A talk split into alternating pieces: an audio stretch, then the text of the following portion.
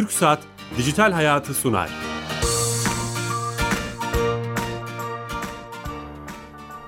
Herkese merhaba, ben Bilal Eren. Teknoloji, internet ve sosyal medyanın daha geniş anlamda dijitalleşmenin hayatlarımıza etkilerini konuştuğumuz Dijital Hayat programımıza hoş geldiniz. Her cuma saat 15.30'da TRT İstanbul stüdyolarında yaptığımız programı bugün Türkiye'nin Teknoloji Festivali Teknofest'ten canlı yayında yapıyoruz. Çok değerli bir konuğumuz var. Çok sürpriz de bir konuğumuz oldu aslında. Çok sevinçliyiz bu anlamda. Ee, Türkiye Cumhuriyeti Sanayi ve Teknoloji Bakan Yardımcısı Bakan Yardımcımız Sayın Mehmet Fatih Kaçır Bey ile beraberiz. Fatih Bey hoş geldiniz. Hoş bulduk Bilal Bey. Şeref verdiniz. Ee, gerçekten bugün e, bu sene ikincisi düzenleniyor ve hani Türkiye'nin teknoloji festivali oldu bence burası. Ben onu da hissediyorum. Yağmurlu havaya rağmen dışarıda bir kalabalık var. Sesleri belki dinleyicilerimizin kulaklarına kadar geliyor. Şu an Baykar'ın e, standındayız. Kapalı bir yerde olmamıza rağmen havalı da bir hava, kapalı da bir ha, hava var ama buna rağmen e, müthiş bir coşku var. Dünü ve önceki günleri pazartesi başladı düşünemiyorum bile. Siz ilk günden beri bu işe sahip çıkıyorsunuz. E, sizin izleniminiz ne? Böyle başlayalım. Evet bu yıl Teknofest'in ikinci yılı. E, Geçtiğimiz yıl henüz ilk yılında İstanbul'un yeni havalimanında 550 binden fazla ziyaretçi 4 günde ağırladık. E, bu yönüyle de dünyanın en büyük ikinci havacılık etkinliği oldu geçen sene Teknofest. Geçen sene. Bu yıl geçen yılki ilgiden sonra ve bu yıl Atatürk Havalimanı'nda yani şehrin tam anlamıyla merkezinde bu işi düzenleyeceğimiz için olacak olan ilginin 1 milyonu da geçeceğini tahmin ettik ve gün sayısını da 6'ya çıkardık. Salıdan pazara devam ediyoruz. Dün akşam itibariyle yarılamış olduk. İlk 3 günde 416 bin ziyaretçi ağırladı Teknofest. Ee, ikinci yılında. Bu çok, tabii çok büyük bir ilginin olduğunu gösteriyor. Yani müthiş bir e, toplumsal sahiplenme var. Bakın burası sadece bir teknoloji fuarı değil. Yani firmaların ticari amaçla geldikleri, ürünlerini daha fazla satmak üzere tanıttıkları bir alan değil burası. Burası aslında milli teknoloji hamlesinin toplumla buluşturulduğu yer. Havacılığın, uzayın çok erken yaşlardan itibaren çocuklara, gençlere sevdirildiği yer. Ben bu büyük ilgiyi buna bağlıyorum. Yani burada sadece teknolojik ürünleri biz sergiliyor olsaydık inanın dünyanın en yeni teknoloji ürünleri dahi olsa böyle bir ilgi olmazdı. Ama Fuar toplum- olurdu değil mi? Fuar. fuar olurdu ama bu tam anlamıyla bir festival. 7'den 77'ye hitap eden bütün unsurlarıyla bir festival ama bunun da ötesinde toplumumuzun 2023 ve sonrası hedeflere ulaşma yolunda milli teknoloji hamlesini aslında tümüyle sahiplendiğinin, kendi en kıymetli varlıklarını, çocuklarını bu yola yolcu yapmak istediğinin bir e, göstergesi diye düşünüyorum. Bu yoğun ilgi. Tabii burada havacılık gösterileri, Türk Yıldızları, Solo Türk, paraşüt gösterileri, Atak helikopterinin Harman Dalı gösterisi gibi gösteriler gökyüzünü şenlendiriyor. Ama bunların yanında 19 farklı teknoloji yarışması düzenleniyor burada ki bunların tümü teknolojinin e, hızla gelişti, geliştiği alanlara, geleceğin teknolojilerine yönelik olarak hazırlanmış teknoloji yarışmaları. Yapay zekadan siber güvenliğe, insansız e, otomobillerden insansız su altı sistemlerine, sürü İHA yarışmalarına kadar pek çok farklı alanda teknoloji yarışmaları düzenleniyor burada. 17.373 takım bu yarışmalara başvurdu. Bu 50 binden fazla gencin doğrudan bu sürece katıldığı anlamına geliyor. Yaklaşık 2000 finalist takımda 10 bin genç finallerde ter döküyor. Biz bu gençlerimizi toplumla buluşturuyoruz. Bu gençlerimizden birinci olanlar ödüllerini Sayın Cumhurbaşkanımızın elinden alacaklar. Dolayısıyla aslında onlara çok kıymet verdiğimizi hem onlara hem de bütün topluma göstermiş oluyoruz. E, bu yönüyle bilimi, teknolojiyi en azından Teknofest haftası boyunca ülkenin ana gündem maddelerinden birisi yapmış oluyoruz. Bu anlamıyla da burası çok değerli. Tabii burada çok fazla kurum ve firma e, standı var. Fakat bu standların her biri adeta bir bilim merkezi. İşte siz e, bahsettiğiniz şu an Baykar standından bu yayını yapıyoruz. İşte burada çok küçük yaştaki çocuklar boyadıkları hava araçlarını e, bi- biraz sonra ekranda gökyüzünde uçarken görüyorlar. E, burada e, ha- Dokunuyorlar. dok- on, tabii havacılık ürünlerine dokunuyorlar, uçaklara dokunuyorlar. Onların çalışma yöntemleriyle ilgili on, çocukların anlayacağı dilden burada anlatılar yapılıyor. Ama bunun yanında kariyer yolculuğuna çıkan genç mühendis adaylarına yönelik bilgilendirme bilgilendirmeler de yapılıyor. Ee, bazı yeni teknoloji ürünleri özellikle savunma sanayi ürünleri ilk kez burada e, Teknofest'te ziyaretçilerle buluşmuş oldu. Ee, hemen biliyorsunuz ön taraftaki Cezeri insansız Onu e, uçan araba Türkiye'nin ilk e, uçan arabası olması hedefleniyor ve çok hızlı bir çalışmayla bu noktaya geldi. Ben açıkçası yakından şahit oldum gece gündüz ekibin nasıl çalıştığına. Yine Akıncı taktik insansız hava aracı 4,5 ton büyüklüğünde e, çok stratejik görevler yapmayı haiz ve sınıfında dünyanın en iyisi olarak tasarlanmış. Buradaki mock-up'ı maketi değil hemen uçmaya Gerçek. hazır gerçek e, versiyonu ki hemen zannediyorum hem Cezeri hem o peşi sıra önümüzdeki aylarda uçacaklar diye tahmin ediyorum. E, yine Milli Muharip Uçağın mock-up'ı ilk kez Türkiye'de sergilenmiş oldu. Burada tabi savunma sanayi biraz daha önde görünüyor çünkü Türkiye savunma sanayinde büyük bir başarı hikayesi yazdı. %20'lerden %65'leri geçen bir yerlilik oranına eriştik. Ve savunma sanayi tüm dünyada olduğu gibi ülkemizde de teknolojinin e, ateşleyicisi motoru konumunda. Ama bizim stratejik bir hedefimiz de savunma sanayindeki bu başarının sanayinin ve teknolojinin diğer dikeylerine hızlıca e, yansıtılması, oralarda da benzer başarı hikayelerinin yazılması. Dolayısıyla burada pek çok e, farklı alanda, teknolojinin de pek çok e, farklı alanındaki ürünler e, ziyaretçilerimizle buluşmuş oluyor. Bir şey soracağım. Siz eğitiminiz, bakanlık öncesi özel sektör tecrübeniz, STK çalışmalarınız, gözleriniz içi parlıyor bunları anlatırken. Onu görüyorum. Bu toplumla buluşmaya çok vurgu yapıyorsunuz. Teknolojinin toplumla buluşması ne yapacak? Yani Şimdi şunu yapacak. Biz bakın biz burada Teknofest 2019'u Atatürk Havalimanı'nda düzenliyoruz. Ama burada ilk kez gök şenlikleri düzenlenmiyor. 1941'de 1942'de Nuri Demirağ burada hava şenlikleri, gök şenlikleri düzenlemiş. Onların fotoğrafları var.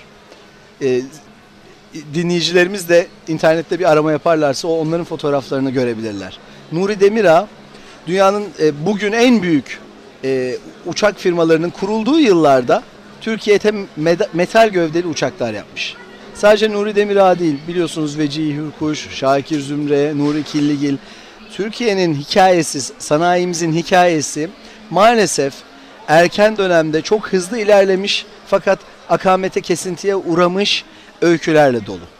Burada e, ben birkaç şeyin o dönemlerde e, sahip olmadığımız unsurlar olduğunu fakat bugün elimizde olduğunu fark ediyorum. İşte bunlardan bir tanesi güçlü bir liderlik. Gerçekten en üst düzeyden itibaren bugün devletimiz, Sayın Cumhurbaşkanımızdan it- itibaren bu işlere sımsıkı sarılmış vaziyette. birinci Ama bunun bu. yanında, bunun yanında bir ekosistemin inşa edilmesi çok önemli. O günlerde bu hikayeler biraz tekil örnekler olarak karşımıza çıkıyor o tarihlere döndüğümüzde. Fakat bugün Türkiye büyük bir ekosisteme sahip. Hep vurgulamaya çalışıyorum. 200'ün üzerinde üniversite. Bazen bu Anadolu'daki üniversitelerle ilgili bakınız çok farklı eleştiriler gündeme getiriliyor. Hepsi haksızdır diyemem. Haklı olanları da olabilir. Eleştiriye de açığız elbette. Ama şunu vurgulamak isterim. Burada her yarışma çadırında e, roket yarışmasının, robotik fetih yarışmasının, yapay zeka yarışmasının hepsinin çadırın içerisinde bir Türkiye haritası var. O Türkiye haritasında hangi illerden hangi takımların bu yarışmaya başvurduğu ve hangilerinin finalist oldukları görülüyor. Onlara gidip baktığınızda bir robotik yarışmasının finalinde Erzurum'dan bir takımın, insansız sistemler yarışmasının finalinde Bingöl'den bir takımın olduğunu göreceksiniz. Trabzon'dan, Ordu'dan, Türkiye'nin dört bir yanından takımlardan buralara finallere kalan öğrenciler olduğunu gör- göreceksiniz. Türkiye'nin her yeri nitelikli insan kaynağıyla dolu. Dolayısıyla bu ekosistemi aslında Türkiye inşa etmiş vaziyette. 200'den fazla üniversitesi, 80'den fazla teknoparkı, 1400'ün üzerinde özel sektör ARGE ve tasarım merkezi, 150 binin üzerinde ARGE insan kaynağı, büyük bir ekosisteme sahibiz. Bu 1940'larda yoktu bu ülkede. O günün şartlarıyla da yoktu maalesef. Ama bunun yanında olmazsa olmaz tamamlayıcı unsur bizim gibi ülkeler açısından toplumsal sahiplenme. Rüzgar ne yönden eserse essin bu toplumun bu işlerin akamete uğratılmaması adına bu işlere sahip çıkması. Bu da uzaktan dinleyerek, sadece televizyonda seyrederek, sadece gazetede haberini okuyarak olmuyor. Bu işte Teknofest gibi etkinliklerle toplumun bizzat çoluğuyla çocuğuyla gelerek burada kendi ürünleri olan milli teknoloji ürünlerine sarılmasıyla, dokunmasıyla mümkün oluyor. Ki bu ülkede hiçbir zaman hiç kimse bu işleri akamete uğratmaya kalkmasın. Bunun da ötesinde şuur altımızda, bilinç altımızda biz yapamayız, edemeyiz, başaramayız gibi ön yargılar parçalanıp atılsın. Biz bunu parçalayabilirsek zaten bu sahiplenme perçinlenmiş olacak diye düşünüyoruz. Dolayısıyla bu to- toplumsal sahiplenmeyi o anlamda çok önemsiyoruz. Yani Bu yüzden çok vurgu yapıyorsunuz. Bu Elbette öyle. Bunu başaran ülkelerde de bu iş çok farklı değil. Bakın e, ismini de zikredelim NASA. NASA'nın adını belki Türkiye'de duymayan yok, dünyada da duymayan belki az. Bütün Dü- belki ya- dünyanın- bizim kurumlarımızdan daha iyi biliyoruz NASA'nın kuruluşunu vesaire. Olabilir. Herkes NASA'nın ne iş yaptığını biliyor. Dünyada işte uzay alanında en ileri çalışmalar yapan e, ülkelerden biri olan Amerika Birleşik Devletleri'nin Uzay uzay, ajansı. Daha bir, bir iki hafta önce yine sosyal medyada gördüm. Sizlerin de belki dikkatini çekmiştir. Mars'a gönderdikleri e, aracın ismini koymak üzere K12 seviyesinde yani lise, ortaokul, ilkokul seviyesinde kompozisyon yarışması yapıyorlar. Enteresan geldi bana. Bir baktım meğer NASA'nın uzaya gönderdiği tüm araçların isimlerini çocuklar koymuşlar. Şimdi bir insan kaynağı ihtiyacı var mıdır? Bir farkındalık ihtiyacı var mıdır diyebilirsiniz Amerika Birleşik Devletleri'nin. İşte zaten 40 yılı aşkın süredir uzayda çok başarılı projeleri tamamlayan, e, yürüten, bir ülke diyebilirsiniz. Ama bu tohumu çok erken yaşlarda çocuklara, e, çocukların gönlüne koymakta e, büyük bir gayreti sürdürmek zorunda hissediyorlar kendilerini. Bütün ulusal çapta işte o araca ismi isim koymayı e, başarmaya çalışan çocukların hayal güçlerini tetikliyorlar. Dolayısıyla demek ki bizim aradaki makası da hızla kapatmamız için ki uzay bizim için çok önemli bir alan. Savunma sanayindeki başarımızın bir benzerini de uzayda da göstermek durumundayız. Bütün bu alanlarda 7'den 77'ye toplumsal sahiplenmede ısrarcı olmamız lazım. Bu işi ihmal etmememiz lazım. 10 yılların açığını bir anlamda kapatıyoruz. O yüzden belki olması gerektiğinden de fazla bu işleri vurgulamamız lazım. Evet evet o çok ama çok güzel anlattınız hani e, Vecihi Ürkuş'ta, Nuri Demirağlar'a toplum sahip çıkmadığı için veya toplumsal zemin olmadığı için o günlerde Belki yüreklerinde sahip çıkanlar olmuştur. Ama- Kimseye haksızlık etmeyelim ama bunun bir tam toplumsal sahiplenmeye dönüşmesinde bir zafiyet yaşadığımızı da söyleyebiliriz. Evet bu çok önemli. Yeni katılan dinleyicilerimiz olursa olabilir. Sanayi ve Teknoloji Bakan Yardımcısı Sayın Mehmet Fatih Kaçır Bey ile beraberiz. Sayın Bakanım Akıncı ve Cezeri'yi kısaca konuşalım mı? Herhalde festivalin iki yıldızı bu. Özellikle Cezeri çok işte insansız hava aracı veya insanlı hava aracı tek kişilik. Geleceğin ulaşımı, araçları böyle mi olacak? Burada görüyoruz hemen yanımızda. Bu araçla ilgili kısaca bilgi verebilir miyiz? Şimdi tabii ilk prototip bu Ee, ama uçacak olan, olan prototip. Tüm hesaplamaları, mühendislikleri büyük oranda e, tamamlandı diye biliyorum. Elektrikli uçan otomobil. Ee, dünyada yüzden fazla girişim var bu alanda. Pek çok ülke bu alanda girişimler e, başlatmış durumda. Bazı ülkeler ülkeler arası işbirliği yapmayı planlıyorlar bu alanda. E, çünkü özellikle bu e, pil teknolojisindeki gelişme artık bu süreci mümkün kılıyor. Yani yüksek enerjiyi uzun süre e, koruyabilen ve sağlayabilen pil teknolojisi bugün artık bizi e, uçan araba teknolojisine getirmiş durumda. Tabii bir yandan da otonomi, yapay zeka bunu mümkün kılmış durumda. E, çok değil belki 10 yıl içerisinde bunların kullanılmaya başladığını göreceğiz. Tam olarak nereden başlar kestirmek güç ama sportif amaçlı başlayabileceği düşünülüyor. Yük taşıma amaçlı başlayacağı Taksi başlayabileceği düşünülüyor. düşünülüyor. Belki nihai aşamada da artık tüm güvenlik e, süreçleri, sertifikasyon belki oluşacak bu alanda da çünkü uluslararası bir sertifikasyon oluşması da belki gündeme gelecek. Ama bütün bu standartlar oluştuğunda da insan e, canını da insanı da taşıyabilecek noktaya gelecek. Ama bütün bu söylediğimiz şeyler muhtemelen 10-15 yılı geçmeyen bir zamanda hepimizin yaşayacağı şeyler. Yani jetgiller gerçek olacak. Yetkililer. Ee, şimdi biz bu yarışta ne durumda olabiliriz? Biz otonom sistemlerde çok iyi durumdayız. Savunma sanayinde insansız hava araçlarında çok çok iyi bir noktadayız. Operasyonel kabiliyet açısından ilk üç ülkeden biri olduğumuzu söyleyebilirim. Dolayısıyla savunma sanayindeki bu başarıyı bu alana transfer edebileceğimizi düşünüyoruz. Sivil alana da aktarabiliriz. Evet ki Baykar'ın savunma sanayimizin önemli başarılı firmalarından birisi olan Baykar'ın bu projeyi geliştirmiş olması o anlamda tesadüf değil. Ee, ben bu projenin 1-2 ay içerisinde ayağının yerden kesileceğini biliyorum. Dolayısıyla ilk uçuş denemeleri başlayacak. Tabi nihai irtifalara, nihai sürelere hemen ilk uçuştan itibaren erişmeyecektir diye tahmin ediyorum. Ama e, adım adım az önce bahsettiğim kullanım alanlarında biz uçan araçları, otonom araçları görmüş olacağız. E, bu anlamda açıkçası bizim için bir fırsat. Biz sanayi ve teknoloji stratejimizi açıkladık ve stratejinin içerisinde bu, bu da var. Evet gördüm Çünkü bunu biz e, önemli bir örnek olarak görüyoruz. Bizim gibi ülkelerin paradigma kırılımlarının yaşandığı alanlardaki fırsat e, ateşlerini kaçırmaması lazım. İşaret fişeği gibi. İşaret fişeği evet. Geleneksel alanlarda yetişmek çok kolay değil. Ama işte otomotiv sektörü elektrikli otomobillere dönüşüyor. Ee, insansız e, sürücüsüz otomobillere dönüşüyor, bağlantılı araçlara dönüşüyor. Bütün bir sektörel dönüşümle karşı karşıya kalıyoruz. Ve bakın işte yine e, dünyanın bir yerinde ortaya çıkan bir firma 50-60 hatta daha fazla e, yaştaki kocaman firmaları, kendisinden misli misli fazla insan çalıştıran firmaları geride bırakabiliyor. Bu alanlarda da benzer şeyler yaşanacak. Biz bu yarışlarda avantajlı olduğumuz, deneyim kazandığımız e, teknolojilerde e, bu fırsat pencerelerini çok iyi yakalayabilir ve ekosistemimizi de çok hızlı kurgulayabilirsek başarı elde edebiliriz diye düşünüyoruz. Yine tabii uçan araba değil ama yerde yürüyecek Türkiye'nin otomobili girişim grubu var Evet biliyorsunuz. onu soracaktım. Ee, büyük bir heyecanla bekliyoruz. Aralık ayında ilk prototipin e, yollarda olmasını bekliyoruz. Bu aralıkta. Çok evet yakın. tabii. Bu hemen bir, birkaç ay içerisinde Aralık ayında ilk prototip inşallah yollarda olacak. Hummalı bir çalışma Çok sürüyor. da gizliyorsunuz e, Ee, bizlerden. Tabii yani şöyle bir girişim grubunun projesi. Dolayısıyla onlar tabii kamuoyu iletişimini kendileri planlıyorlar. Biz de saygı duyuyoruz. Bizim devlet olarak bu alanlardaki rolümüz e, bu işleri mümkün kılan düzenlemeleri yapabilmek. Yoksa bu girişimler özel sektör eliyle, girişimcilerimiz eliyle başarıya ulaşabilecektir diye düşünüyoruz.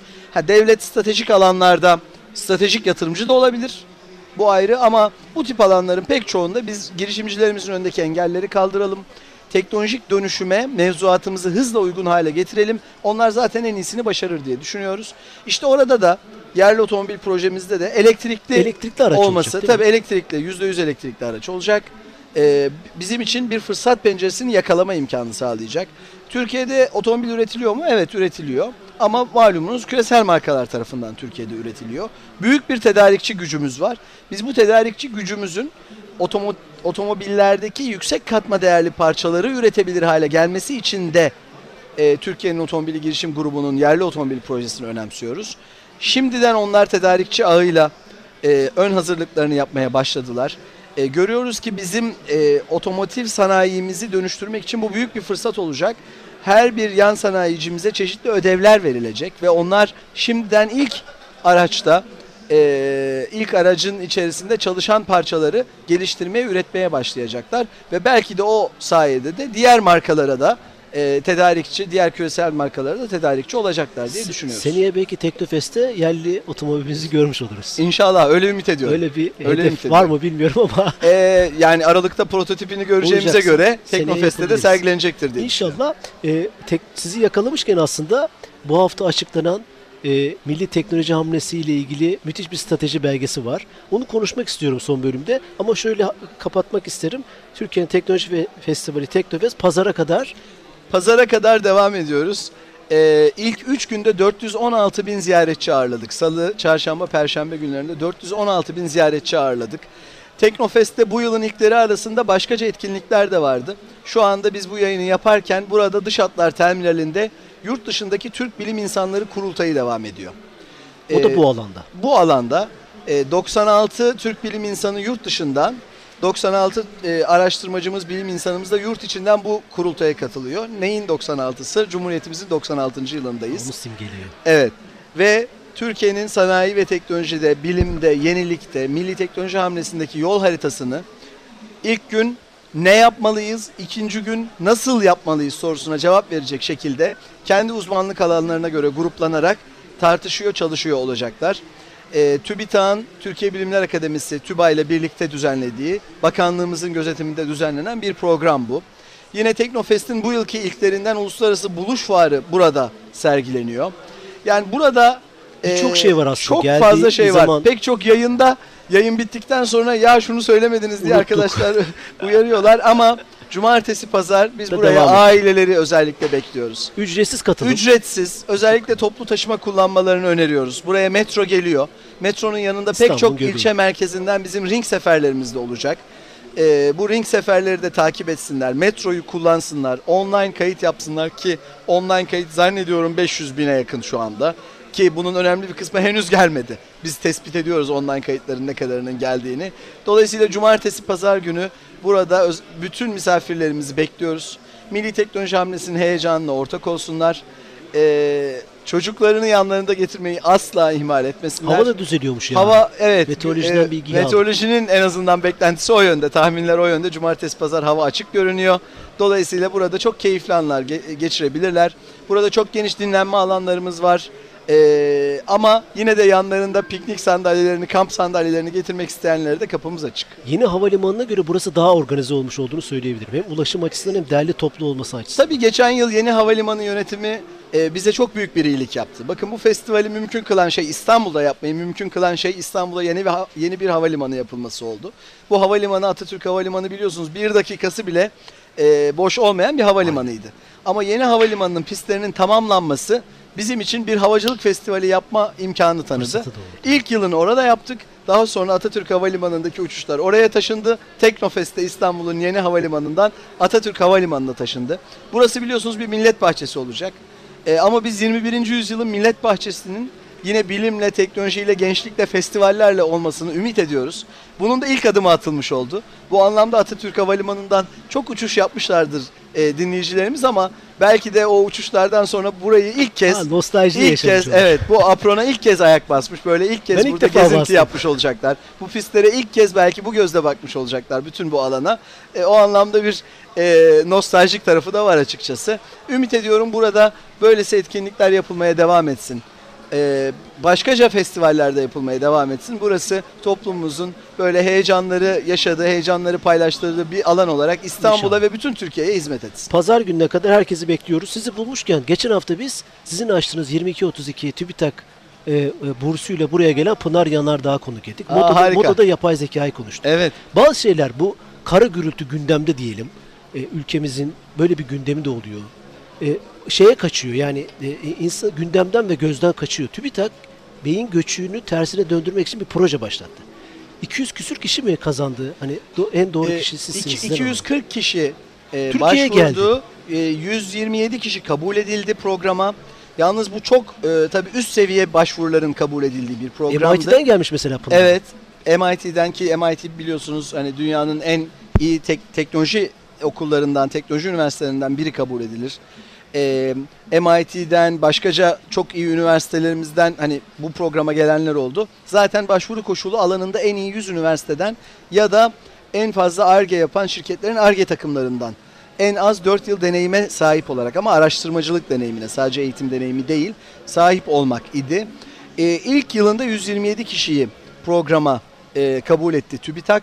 E, bu 127 kişi e, hem burada üniversitelerde çalışacaklar hem TÜBİTAK tarafından e, en az aylık 20 bin lira olmak üzere ki deneyimliler aylık 24 bin lira ilave burs desteği Ekip kurabileceklermiş. artı 5 vesaire. kişilik doktoralı ekip kuracaklar. Her bir doktor öğrencisini kendileri seçecek ve biz onlara da aylık 4500 lira e, takdim edeceğiz. Bunun yanında da 1 milyon lira proje bütçesi kendilerine 720 bin lira da e, ev sahipliği yapacak kuruma, üniversiteye e, proje bütçesi olarak Başlı başına sunulmuş çok olacak. değerli değil mi bakalım? Şimdi bizim tabii çok sayıda araştırmacımız, bilim insanımız yurt dışında. Sadece bizim değil bakın. Dünyada pek çok ülkenin araştırmacıları, bilim insanları ülkelerinde eğitim gördükten sonra başkaca ülkelere gidiyorlar. Bu doğal bir süreç. Ee, dolayısıyla e, biz bunun e, Türkiye'nin nasıl yararına olabileceğini çalıştık.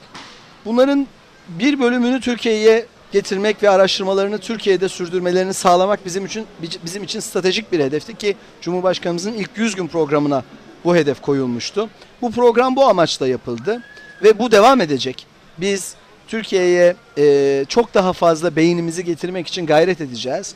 Ama sadece Türkiye'ye dönüş e, değil bizim kullanacağımız enstrüman. İşte bu bahsettiğim kurultay gibi çalışmaları yaparak bulundukları yerde de bilim insanlarımızdan nasıl istifade edebiliriz? Bazen yanlarına ekipler göndererek olabilir. Bazen yılın belli bir süresini Türkiye'de geçirmelerini sağlayarak olabilir. Bazen stratejik çalışmalara onları dahil ederek olabilir. ülkesinden bağını koparmasın bir şekilde. Mutlaka biz vatanını, milletini seven, e, bu ülkenin e, ortak heyecanlarıyla heyecan duyan bilim insanlarımızın, araştırmacılarımızın Türkiye ile bağını sımsıkı devam ettirmelerini arzu ediyoruz. Ama tabii işte Pınar Hanım gibi çok yenilikçi Pınar Hanım, MIT'de ama aynı zamanda kendi girişimi de yapmış, vardı. pizza yapmış, ayakkabı yapay zeka ile tasarım yapan, çok farklı projeler içerisinde olan, çok derin teknolojiler çalışan, e, biyoteknoloji çalışan çok farklı insanlarımız bu programla Türkiye'ye dönmüş oldular. İnanın onların heyecanını gördüğümüzde biz iyi ki bu işlerin içindeyiz, iyi ki bu millete hizmet etme imkanını Cenab-ı Allah bize sundu diyoruz. Süper. Son bir buçuk dakikada Milli Teknoloji Hamlesi Strateji Belgesi. Beş ana bileşenden oluşuyor. Ee, açıkladınız. Acaba biraz güme mi gitti ya? Onu daha fazla mı konuşmak lazım? O- ümit ediyorum güme gitmez. 2023'e kadar gündemimizde olacak. Biz toplumumuzun önüne hedeflerimizi koyduk. Türkiye 2023 yılına geldiğimizde 1 milyar doların üzerine üzerinde değere sahip 10 e, Unicorn teknoloji girişimi, demişsiniz. unicorn denilen işte Türkorn dedik ona biz programda. Türk on demişsiniz evet. Ee, 23 e, küresel e, düzeyde, küresel ölçekte marka olmuş 23 akıllı ürüne, 10 Türkorn'a e, e, sahip olmuş olacak diye ümit ediyoruz. Hala hazırda yaklaşık 140 bin olarak tahmin ettiğimiz yazılımcı geliştirme sayımızın 500 bin üzerine çıkacağını e, hedefliyoruz. Bütün bu hedeflerimizin takipçisi olmasını e, talep ediyoruz toplumumuzdan. Biz stratejimizde sanayi ve teknoloji stratejisindeki Sayın Bakanımız Mustafa Varank çarşamba günü çok tarihi bir mekanda. Ankara'dan dinleyicilerimiz varsa onlara da duyurmuş olalım. Ankara'da MKE'nin e, Makine Kimya Endüstrisi Kurumu'nun.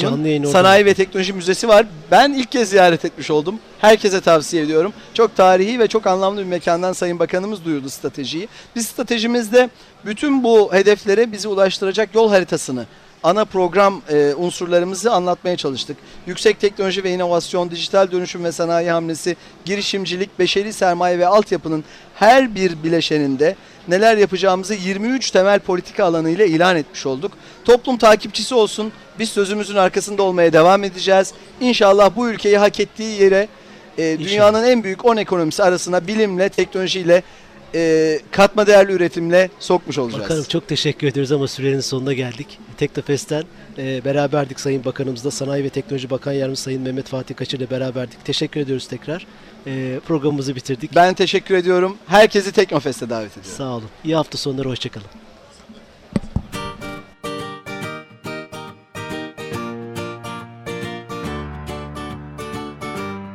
TürkSat Dijital Hayatı sondu.